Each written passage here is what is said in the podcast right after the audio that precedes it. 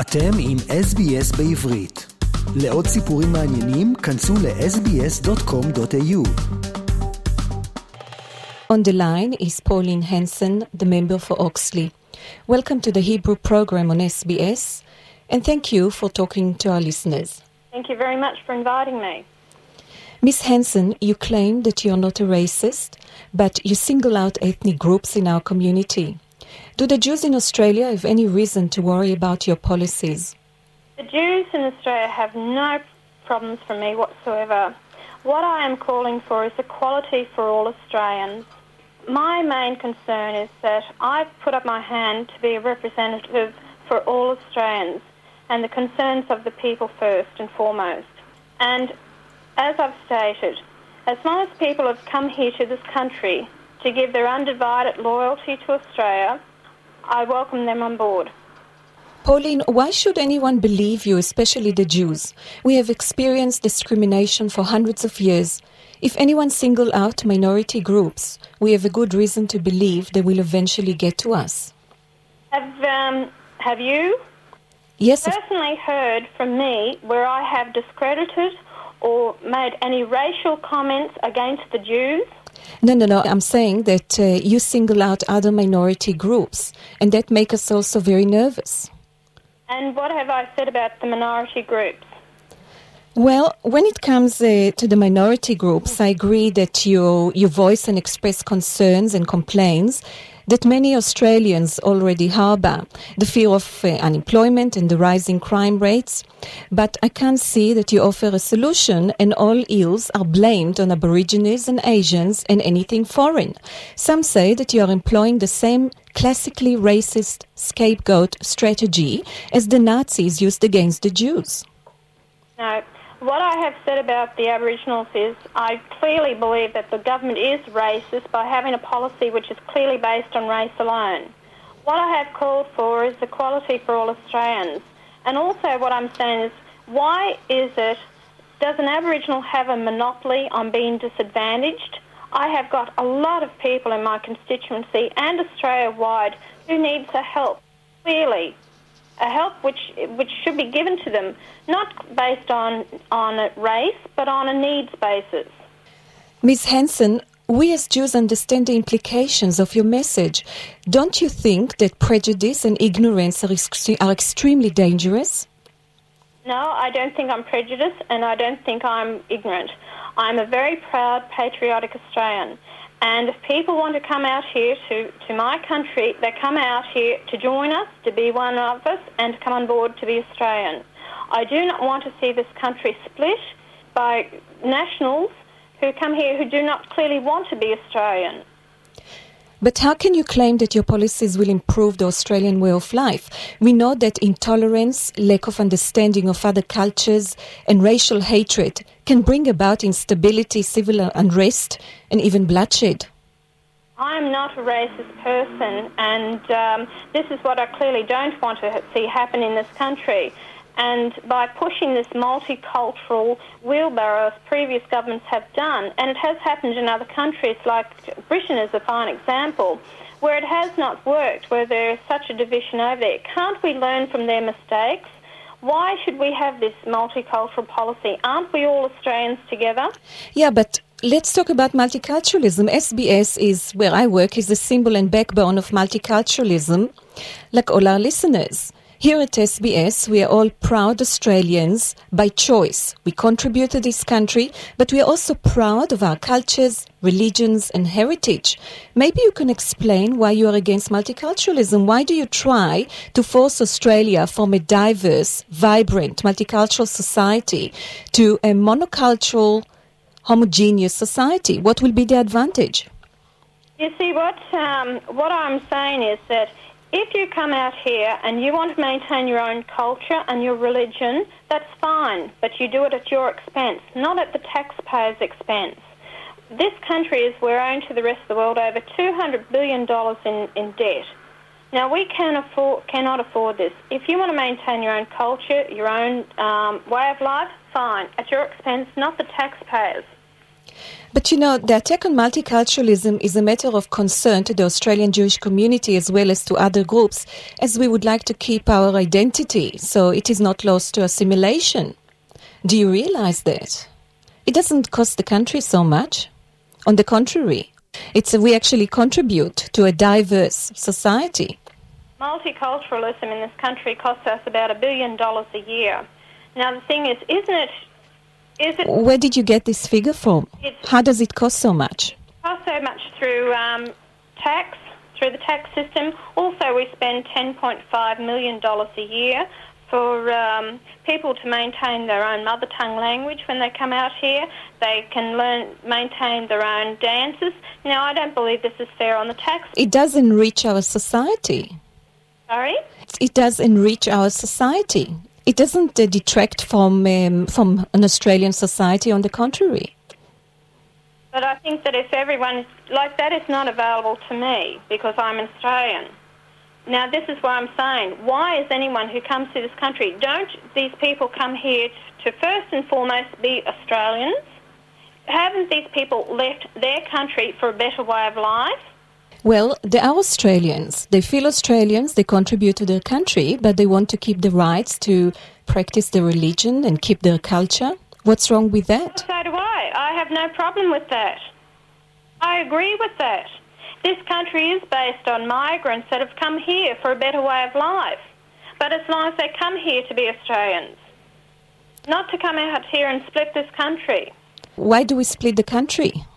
Because I get annoyed when there are suburbs that are clearly based on a nationality, which is like Cabramatta is one, and you have Footscray, you have Fairfield, you have Springfield in, in Sydney. There are all these these suburbs that are springing up, which is clearly based on I feel like I'm a foreigner in my own country. Would you like that to happen in your your own country that you've come from? Uh, what's wrong with it? I love going to Cabramatta. I like to go to the Vietnamese neighborhood and try the Vietnamese food, and I like to go to Bondi where lots of Jews live.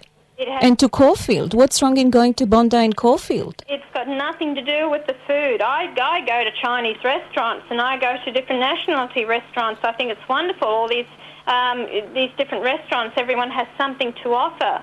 But I don't want to feel a stranger in my own country. Why do you feel a stranger? Because you don't speak Vietnamese? It doesn't worry me.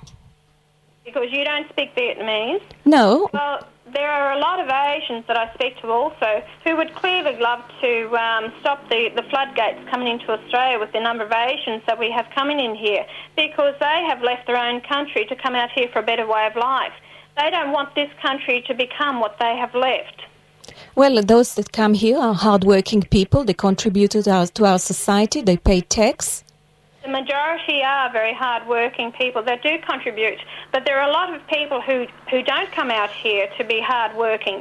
They come out here to abuse our system, become like roaming tourists for every day at the, at the expense of the taxpayer. And we have a lot of people out here who come out here and, and um, commit crimes against our society. Well, crime exists everywhere, not just in migrant groups. We had, I never said just migrant groups. No, I'm saying the crime exists everywhere. Yes, and of course it does. And it needs to be addressed because we have a very high escalating crime problem here in Australia also with drugs, which is very high. And won't it be to our advantage to look after less privileged groups in our society? The problem will be worse if we don't help to, and support groups in genuine needs. Isn't the fact is that we're all Australians? Why should be, people be put into groups in, in, in Australia? That's what I'm saying. We're all Australians. But we recognize our differences. There should not be any segregation into groups whatsoever. It's not, it's not segregation. We just recognize our differences.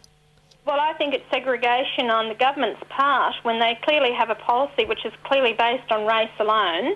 And then you have the multicultural policy, which is clearly looks after migrants and immigrants into the country and um, not the rest of the Australian born people. And um, this is what I'm saying. Australians welcome. We are very tolerant people and very understanding because a lot of us have come from dis- different parts of the world. But they've come out here to come on board to be Australians, and that is all I, that I'm asking. Is that so wrong of me to ask people to be Australians first and foremost, to give this country their undivided loyalty? Yes, we are Australians. We all give the country our undivided loyalties. Oh. But, but we would like to keep our culture and our tradition and our language and our food. What's wrong with that? There's nothing wrong with it, and I've never said any different. So, what are you worried about when it comes to multiculturalism? Is it only the money? As long as people come out here to be Australians, that is all that I'm saying. Like I said, I I go to different restaurants. Everyone has something to offer. The migrants that came out here and they couldn't even speak English and they had to travel the countryside and look for the work and they had it they had it very very hard. But um, I have a duty to the Australian people and to the Australian taxpayer that their dollars are spent wisely and not um, not um, unaccounted for. So, what is Australian in your definition, in your eyes? An Australian, it's an Australian who has taken the oath of allegiance to Australia, and also someone who has um, their undivided loyalty to this country, and um, That doesn't contradict with what I'm saying. sorry, That doesn't contradict with what I'm saying. that's that's exactly right. That's what I've been trying to say. Yes, but why? Why do you? I have been misreported, misrepresented by so many media people. I have been attacked by people who clearly want to discredit me and put me down because they can see the, the support that I have from a vast majority of Australians. And this is a continual battle that I have all the time. And this is why I try to go to speak to as many people as I possibly can. Look, I do agree with you that you voice and express concerns of many Australians, the fear of unemployment, the rising crimes, but you don't, I don't see that you offer any solution. What I see that all ills are blamed on Aborigines, Asians, and anything foreign. And that's the problem that we see in your policies. Yeah, but you see, I haven't put out my policies yet. And as I said, my party was only put up five weeks ago. And I have stated that I will have, be having a consultation process with the people to, to, before I formulate policies. So a lot of it is hearsay out there. I'm getting criticised for policies that I have, and I'm getting criticised because I haven't formulated policies.